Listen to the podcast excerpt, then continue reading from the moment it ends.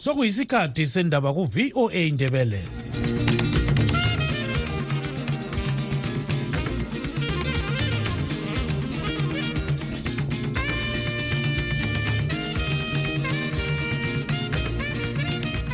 lami ngibonge uthando nokawande obesipha indaba ngolimi lwesishona.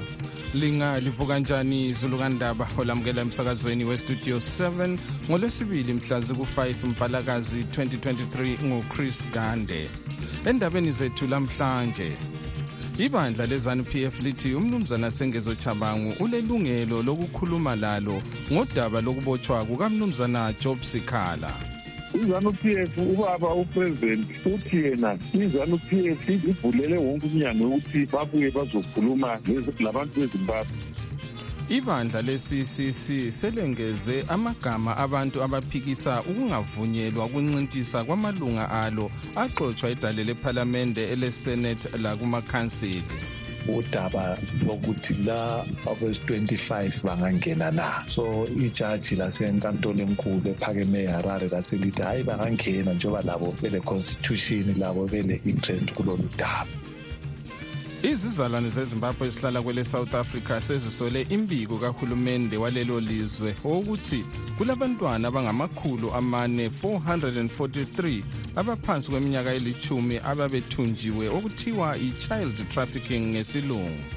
Eh ama-journalist ke wona siyawabona kakhulu ukuthi kwesinye isikhathi maye udaba luqondane labantu basezimbabwe ihaba lakhona liba likhulu. Um i-social media lapha ku-twitter lapha awu zonke lezi ndaba lezinye lizozizwa khonapha emsakazweni westudio 7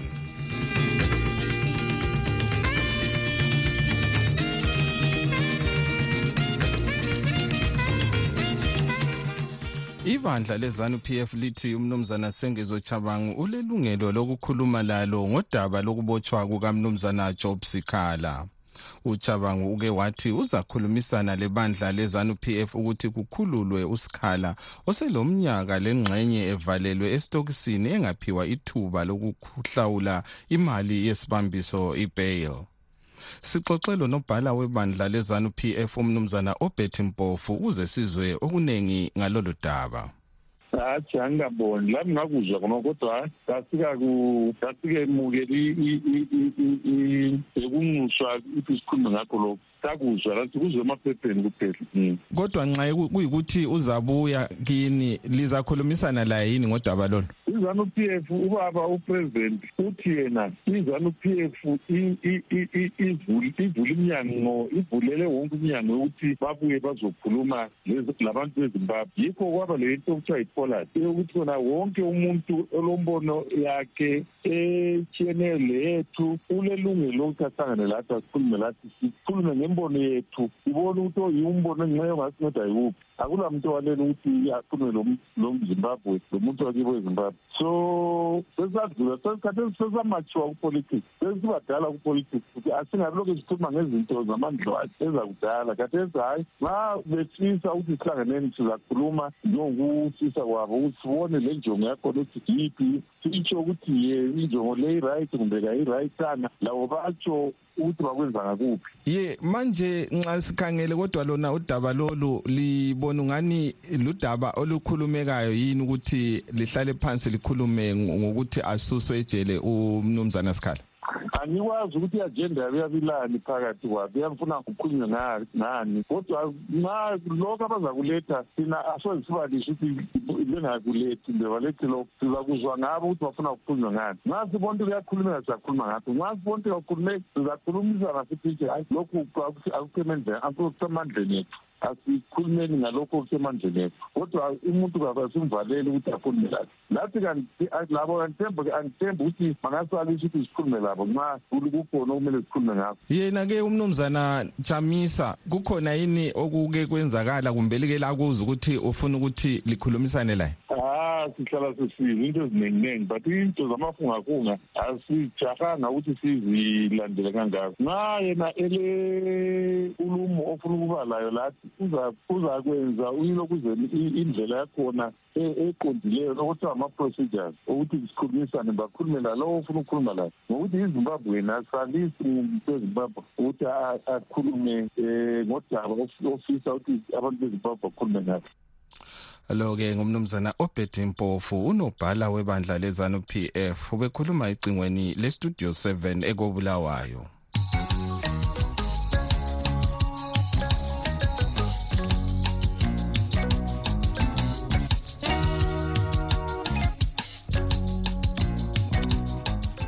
Ibandla le-ccc selengeze amagama abantu abaphikisa ukungavunyelwa ukuncintisa kwamalunga alo awaxotshwa idale lephalamende lesenate lakumakhansili. Leli bandla licele ukwengezelelwa kwamagama abalisa lele bandla le-ccc izolo emthethwandaba. Sixoxe lesikhulumeli sikamnumzana chabangu umnumzana khaliphani phugeni ukuze sizwe okuningi ngalolu daba.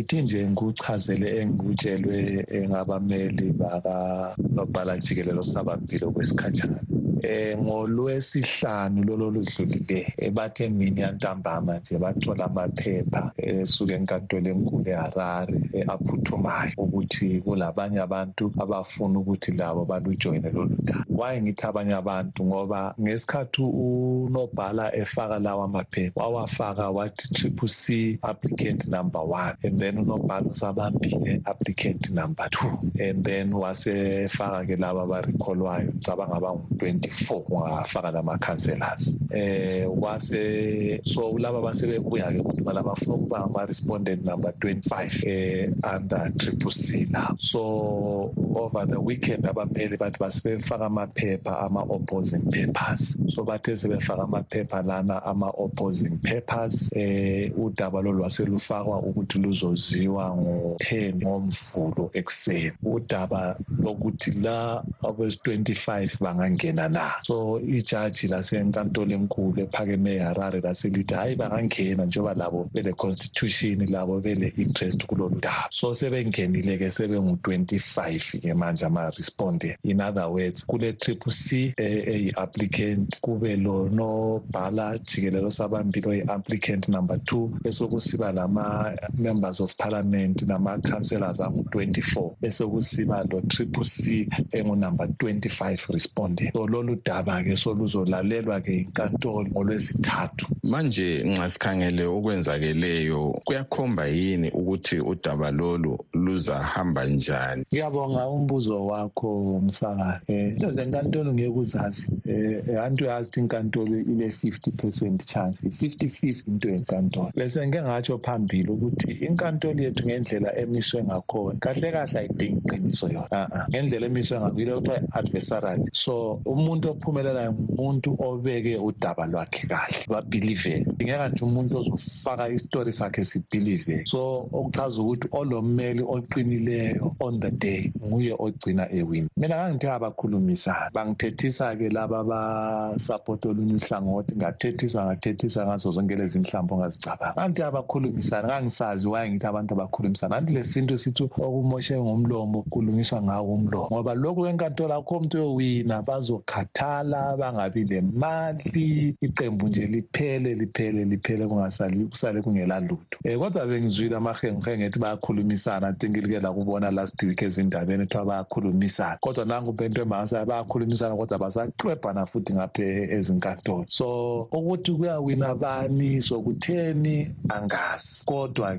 engikwaziyo ukuthi ma usuyikhangela ekugcineni akula muntu ozowina ehe kuhlephuna nje kuhlephuna kuhlephuna kuhlephuna kusale izibucu nje sezilaphana ayikho into edlula ukuhlala phansi abantu bakhulumisana bazama uku-accommodatana because uzokhumbula indaba le iqale ngaphi indaba le iqale kuthina abanye bafike ukuthi sokulabanye abafevwayo kulabo ezigabeni zakubo. Yikho lapho eqale khona. Manje indaba zombangazwe phela ziya ngoku-accommodatana ama-interest ngoba abantu banama-interest. Manje wena ungayenza ukuthi wena ngoba usuwinile suvalela abanye phandle sugijimisa ama-interest akho bazothola indlela zokunjani zokukulwisa. Um so abahlale phansi bakhulumisane ba-accommodatana lo ke ngumnumzana Khaliphani Phugeni isikhulumeli sika mnumzana Sengezo Chabangu ubekhuluma icingweni le studio 7 ekobulawayo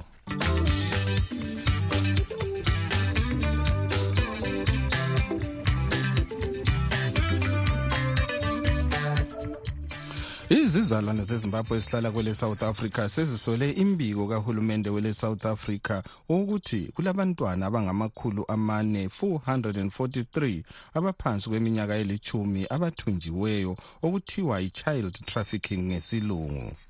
Iningi labantwana laba ngabasuka eZimbabwe besiyabona abazali lezihlobo kwele South Africa. Sixoxe lesiphathamandla senhlanganiso elwela ilungelo lezizalwane zezimbabwe eyezimbabwe community in south africa umnumzana bongani mkhwananzi. Eh ibala elithi human trafficking eh lona lisinda kakhulu nxa sekuqathaniswa lalolu daba ngoba ngokunanzelela kwethu lawuzwa information efika kithi ithi yona khachi abantwana laba ngabantwana abasuke bephathiswe emabhasini nakubomalayitsha beze ebazalini bawo eh so human trafficking ulihaba kakhulu kulolu daba. Khona kahle kahle okwenzakalayo ikakhulu ngesikhathi sikaDisemba lapha liqiniso yini ukuthi vele baningi abantwana abathunyezwa eSouth Africa bengela muntu omdala? Hayi khona kuliqiniso. Eh iningi lezisebenzi eSouth Africa uyathola ukuthi nama holiday lawa aziwatholanga aziwaphiwanga. Ngakho ke uyakufica ke ukuthi kwesinye isikhathi kuyenzeka impela ukuthi umuntu aprefer ukuza ukuthi kuze abantu abakhe ngapha kwele South Africa ukuze nabo naye abe achithe nabo isikhathi precisamos água kude manje ngokubona kwakho okungakwenzakala lapha ukuthi iziphathamandla zakwele South Africa azikwazisisi yini okwenzakalayo? Ye khona ke eh kuya nakhona bengabe bekunanzelela o bekubona futhi ukuthi kuyikuvakatsha. Eh uhlupho luba sekutheni nxa into yenziwe ngendlela engasiyo umthetho eh iyahlupha. Futhi ngeke sibachothoze kakhulu sibasole ngalesi senzo sokuthi sokuthi umthetho awulandelwe ngoba ikhona imigomo yokuthi ma ingane ila less than 9 kumele kube lencwadi kumele kube le destination address kumele kusayinwe ama affidavit kwenzelwe ukugwema i human traffic. So yebo phela ku convenient kithi ukuthi simthumele umntwana kungazange kulandelwe kahle imigomo yonke ezenza ukuthi mayedluliswa laphana kungabi kwethuka kwama officers eh ukuthi kanti sekwenze njani bengabuza imibuzo. Umuntu nomuntu usomela landele imigomo yokuthumela ingane. Iyathunyelwa vele ingane umthetho uyakuvuma ukuthi ingane ingathunyelwa yodwa ngoba iyabe ingekho yodwa phela. Ngoba umshayeli uthola ukuthi umuntu othembakeleyo esimaziyo. Kodwa eh uma izochapha umngcele sekumele iveze ukuthi izincwadi ezizonezo ezifunekayo zikhona. Ukwenzela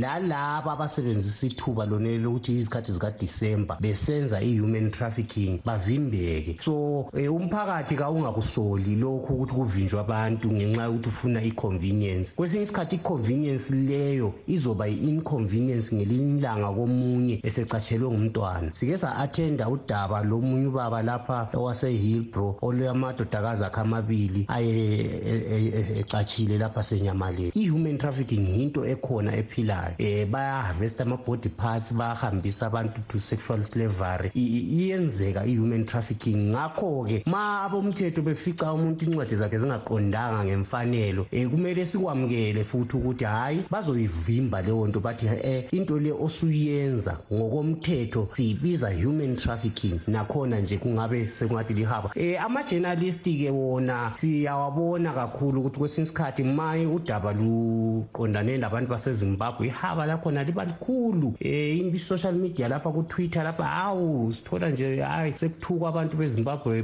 bekhulunywa kabi kakhulu. Yebo phela khona ma sesingalandela imigomo yokurana amabhoda ama-border officials abe-correct kodwa-ke akulanto esimanga kakhulu yenza. Lo-ke ngumnumzana bongani mkhwananzi isiphathamandla senhlanganiso elwela ilungelo lezizalwane zezimbabwe eyezimbabwe community in south africa. Abazali lezakhamizi zeplumtree zicela uncedo lokwelaphisa umntwana oleminyaka yokuzalwa eyisithiyangalombili ufuture chuma ohlatshwe yisigodo ilihlo lakhe lawonakala. Ufuture kwamanje usesibhedlela eharare. Ugibbs dube westudio 7 uxoxe lesihlobo sikafuture unkosazana mayinanyathi ukuze sizwe okuningi ngalolu daba. Igama lami ngumayinanyathi ongiyokhulumayo kwamanje. Ngisendaweni yaseplums empandeni esilima. Kuyithi esiyehlelwe yingozi yokulimala komntwana ilihlo. Kwakungolwesine mhlaka-thirty siphuma esikolweni ku-graduation. Singakahambi ibanga elide sesibuyela emakhaya. Abantwana nje babehamba bedlala. Kwavela kwingozi naleyi umntwana ngihamba begijimisana waseqhubeka esiwa kwatholakala-ke ingozi naleyo godi ukuthi lingene elishweni kwaba yithi phambi kwakethu sibuyela futhi emuva esikolweni. Sesikatshela ukuthi umntwana selimele yasiza imoto elapho esikolweni sathi sagijimela esibhedlela saseplump safika eplump sathola usizo ukuthi sidlulele e-u b h. sadlulela khona lapho e-u b h ngokuphangisa umntwana wafika wathola njalo usizo. Kwavuka kuthiwa e-richard morris kwaba ngokufanayo futhi. Basebesithi ukuthi hhayi sekufunakala udokotela ongasiza owengqondo wathi akadlulele empilo kunge-friday wafika empilo kungabo-one.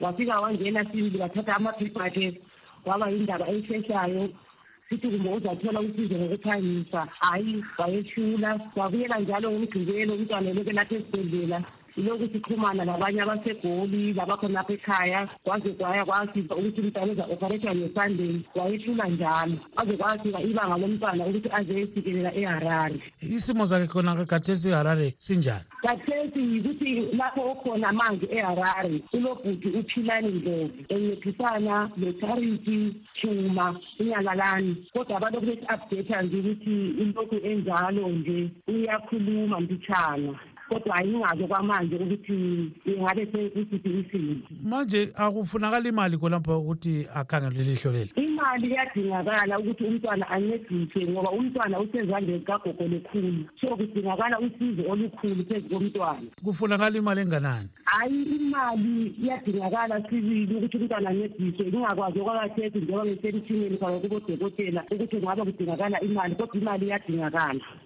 singathi kumele kuthintwe bani nxa kuyikuthi kulo muntu ofisa ukuthi afake akufakayo khonapho okwamanje umuntu ongabe sekhaya kumbe engaphandle kwelizwe? Ye inxe nje. Ongabe esincedisa kakhulu umama ucharity ucharity mrs chuma oyemangaphe nguye ongaba sincedisa kakhulu impela ukuze kutholakala usizo nguye umuntu okungaxhumana naye. Ye akusinike inombolo yakhe nxa uyazi ngekhanda. Ezami inombolo ngu-zero seven seven three zero nine three eight three six. Lo-ke ngunkosazana mayinanyathi obexoxa lo-gibbs dube westudio 7 eseplumtree esabelweni semathepeleland south.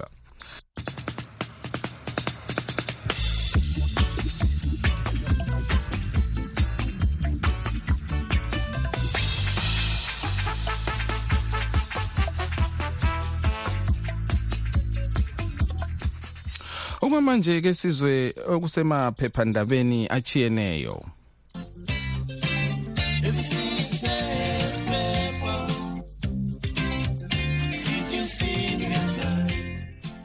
Iphephandaba lobulembu elezimlive.com lilodaba lokuthi uhulumende usezaqala ukubhadalisa umthelo abaphila ngokuzisebenza labathengisa inkukhu lamaqanda ezindlini zabo. Iphephandaba le-chronicle lilodaba lokuthi umongameli wele mozambique umnumzana philipe nyusi usezimbabwe. Izolo unyusi uvakatshele usowabo umongameli emerson mnangagwa esigodlweni se-state house.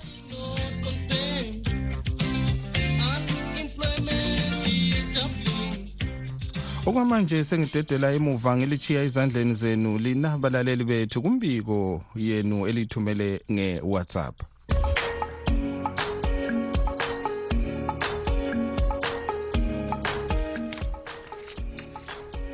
estudio 7 studio 7 linjani. Bengicela ukufaka umbono kusizwe sikamzilikazi njengoba libona iphathi ebusayo isehluleka. Lekashamisa kuyaliwa. I-republic party badabukana phakathi. Okungcono sifake inkosi eseqinisweni kungabi lepolitiki phakathi sizimele sodwa singamandebele. Yiyo engehlukanisa lula ilizwe ngoba ilamandla kulo president. Umnangagwa engeke wamisa wamisana lenkosi kuyabe kungamanga. Okwenza baphume kuzapu babengafuni ukubuswa lindebele lathi asiphumeni kibo sizimele sodwa umuntu ubuswa ngowakibo sebehlulekile. Muhle msakazweni umuhle linjani? Kuzindana zonke lapha elingabe likhona. Langaba ilanga abantu benkosi bakithi. Um lapha kulesimanga kulesimanga. Abantu bezanu bakhala sebekhalela amadoni. Bakhalela amadoni ukuthi alo bayabanceda. Balibala ukuthi upresident wabo lowo mnangakho abamvotelayo nguye owathi amadoni akafuni namhlanje sebekhala bazaphapha bazaphaphama ngoba um uyabafundisa ukubana yena kalalutho indaba bengavotelanga enye iphathi kade sebekhala bathi bafuna amadona. Indlala ibhahile inkomo ziyafa sebekhala ngokuthi bafuna amadona abanike i-stock feed. Amadona azabanika i-stock feed njani? Wathi upresident wabebanike um sebekhala kathesi. Asazi ukuthi um babemvotelelani mna ngakho ekhesi indlala ibhahile. Akusela kudla izifuyo ziyafa akusela manzi. Sebekhala kodwa nxa kufika isikhathi samavoti babhizi bayaqina ngezanu abantu bekhezi bakithi liyayangisa khangelanini khathi esindlala ephandle lapho ukuthi njani usizi lolu bakwethu ngikhuluma lapha ngisekhesi lapha sekhesi lapha. Mathintitha lo khuluma. Sizotshela ukuthi ilizwe leli basisalilwela salilela salilela akekho umuntu walilelwanga leli lizwe. Namhlanje ubaba wami wala walilela leli lizwe. Lo mkhulu wami walilela leli lizwe. Kodwa namhlanje mina ngidle dustbin naye ubaba wami udle dustbin kodwa akasebenzi akanakho. Bathi imali yona ayithola ngabanjani leyo yama-overtarian ubaba wami ngazange ngiyithole namhlanje uchuma logawuli wavuka bethi ilizwe leli salilwela salilela babebodwa bona belelo leli lizwe. Akekho umuntu wangalilelanga singizalwa nje ubaba wami walilela ulamanxeba nje akakhoni lokwenzayo ngingathi walilela leli lizwe kodwa katholanga lutho udle dustbin mathintitha lo khuluma studio seven studio seven njani njani ngithemba okhulumayo heyi unokhuluma ngebhajethi le abakuncube le heyi hayi inzima inzima kakhulu ipassport sesithi four thousand. Hayi hayi kunzima nzima isininzi laba abantu abalandanga phela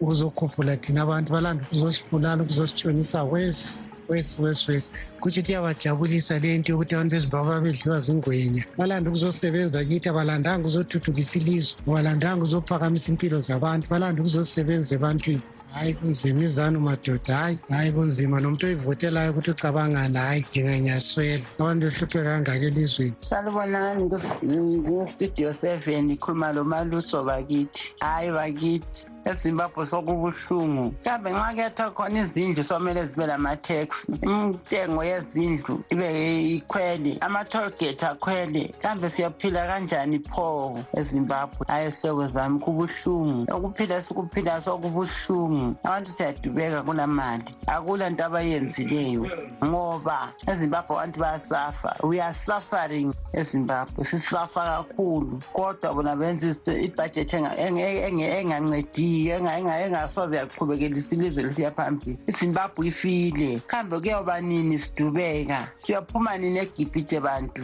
Hawu bakithi isihlobo zami. Bahawule ezimbabwe shem. Ngiyabonga bakithi. Yazi okunye abantu bengasola izulu kuthiwa izulu kalinethi elizweni lakithi okunye umnankagwa ubulala abantu ngesihluku kakhulu. Awu umnankagwa ubulala abantu ngesihluku. Cabanga abantu laba bahlala bethunjiwe suku zonke betholakala befile betholakala benqunyiwe suku zonke. Akaze liphume ilanga kungathunjwanga umuntu lapha. Akaze liphume ilanga kungabulawa ngamuntu. Akaze kuphume ilanga umuntu engatshiselwa ngendlela okunye umnankagwa nguye okhonza ukuthi izulu linganethi endaweni yakithi ubulala abantu ngesihluku lo muntu loyo kambe abantu abatholakala bekhathiwe bengama-piece pieces bezwa ngumnankagwa lo ayi lo muntu lowu no mani and lo nkulunkulu la ubhekile vele ukuthi lo muntu beka nje ifesi yakhe ifesi kuphela. Akumfithi ukuba ngupresidenti lo muntu lo. Ifesi yakhe ayimvumeli ukuthi ebe ngupresidenti ifesi kuphele kamnankagwa kathi ifesi yakhe kwayengajintshi hlala ifana lonwabo tshosi ifesi yakhona. Um sanibonani sanibonani um bafowethu nonke nje sanibulisa. Um nami ngithi mhlawumpe ma kwenzeke nami ngadlalwa ngoba vele ayi thina abanye asidlalwa. Asazi ukuthi inkinga isuke ibe yini ngoba sesinacishe mina sokuzokwaphela unyaka ndokho ngifaka amarekhodi kodwa ngingawezwa la emsakazweni ngoba singazi ukuthi udlalwa kanjani. Okay indaba ilana. Mina ngithi mina um cela ukuthi abazali bethu bakithi besicabangile ngoba ekugcineni babasibulalisayo abazali laba beloko bethi bona izanu p f izanu p f. Manje bukani manje um abantwana bayabulawa bashiswa kabuhlungu ngesihluko esibusihlungu kakhulu. Ngaphandle kwelizwe um bebulawela nje kuphela ba ama-foreign. Kodwa lina bazali nalezi nduna lezi nabosebhuku bafika bebhizi behlukumeza abantu bethi izanu-p f. Isiza ngani izanu-p f abantwana? Kuhle nama abantwana befa kanje. Liyajabula lina ngabomnankaka benu ma abantwana befa kanje. Manje i-drought inkomo ziyafa. Kwehluleka nje ukuthi umuntu eyakhe amadamu ukuthi at least ezama ukuprotect abantu. Yini alinikazi manje liyalamba. Yibona abantwana kufanele belizamele futhi ababulawayo. Kodwa libhizi nge-zanu-p f. Lichazwa ukuthi abantwana bebephila buhlungu kangaka na ngayo i-zanu-p f yenu? Bazali bethu sicela lisicabangele ngelinye la ngiyabonga ngiyabonga abalaleli um sithanda ukubonga kakhulu bantu bakithi. Ukushesha libone liphakamisa amehlo abaningi abalengqondo sesibonile um ukuthi ushabango wenzani futhi nje sinyanyisa indaba yokuthi sihlala sikhuluma ngayo sihlala sikhuluma ngayo ushabango sithi ushabango wenze sona so. Isidina isidina ngoba ayilayo production. Um mina engakusho nje um yikuthi kulobaba futhi omunye la okhulumayo kustudio seven la ubesithi ushabango wahlephuna imboza um wahlephuna imboza waseyazisa abantu ukuthi le imboza. Sebenza layo ushabango manje vele ubaba longezana cela lisihloniphe yini um liziphathe kahle impela kungasihloniphi khonoko singabantwana basezimbabwe ukuthi lina lijiye ubani bani bepheka imboza uchabango wafaka umunwe. Ukuphi umunwe ofaka uchabango? Kumbe uchabango uyamosha nje labuphukela iyamosha lina badala lini igazi labantu lizondeni zenu futhi alihloniphi alisihloniphi. Liziphathe kahle mpela. Ye angibingelele kustudio seven sabonani sabonana um bengicela ngidlulisele lami lo mbiko okokuqala um abantu bakithi abantu bakithi benanzelele ukuthi siyadelelwa kakhulu ngochiwenga abakwanisa ukusibulala emathebeleni bephe lapho ebuye engabi lenhlono zokuzokhuluma isishona ebe ngumuntu ozenza yena engumkhwenyana emathebeleleni lephinde ebe ngumuntu ozenza yena olobuhlobo emathebeleleni kanti izihlobo zakhe zeneziguma ukwazi ukukhuluma laye njani ma esehluleka into ekhulumeni igama eliwani lesindebele elibonisa ukuthi uyakwazi ukuthi uhloniphe indawo elabantu okwesibili ibe sengicela kustudio seven makusenzeka sicela isicelele emazweni angaphandle ebe lohlwele ma isibona sihluphekile kodwa amaphasipoti angeke sawakwanisa amaphasipoti angeke sawakwanisa ngoba edura kangaka amaphasipoti ngeke sisakwanisa ukuthi siwathathe sesicela ukuthi ngamazwe angaphandle azizwela sisigabeli sinjalo salawo imali yakhona silayo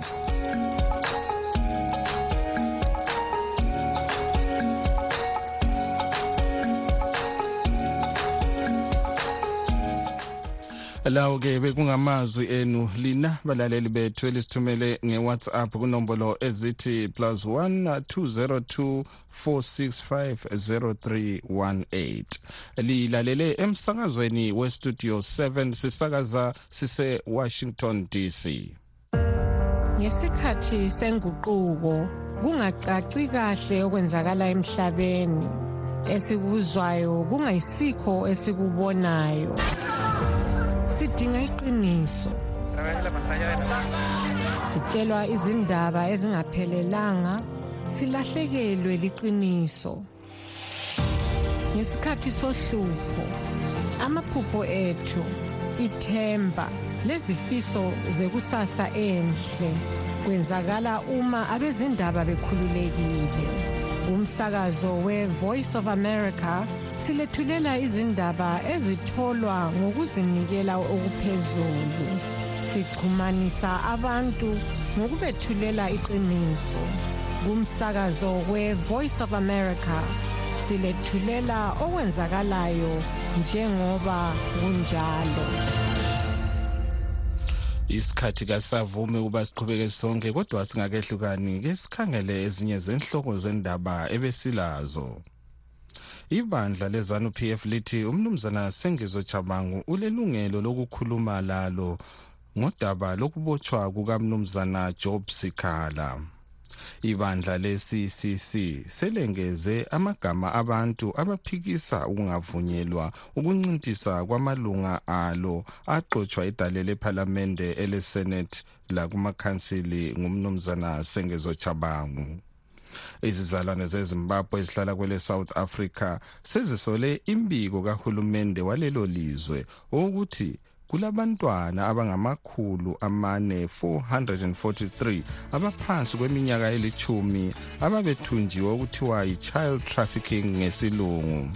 Silugqiba ke lapha uhlelo lwethu lwalamhlanje abangenelisanga ukuzwa indaba zethu lilakho ukuzilalela ebulenjini ku-www voa indebele com olivalelisayo ngesithi asidibaneni kusasa sikhathi sinye. Igama nguchris gande.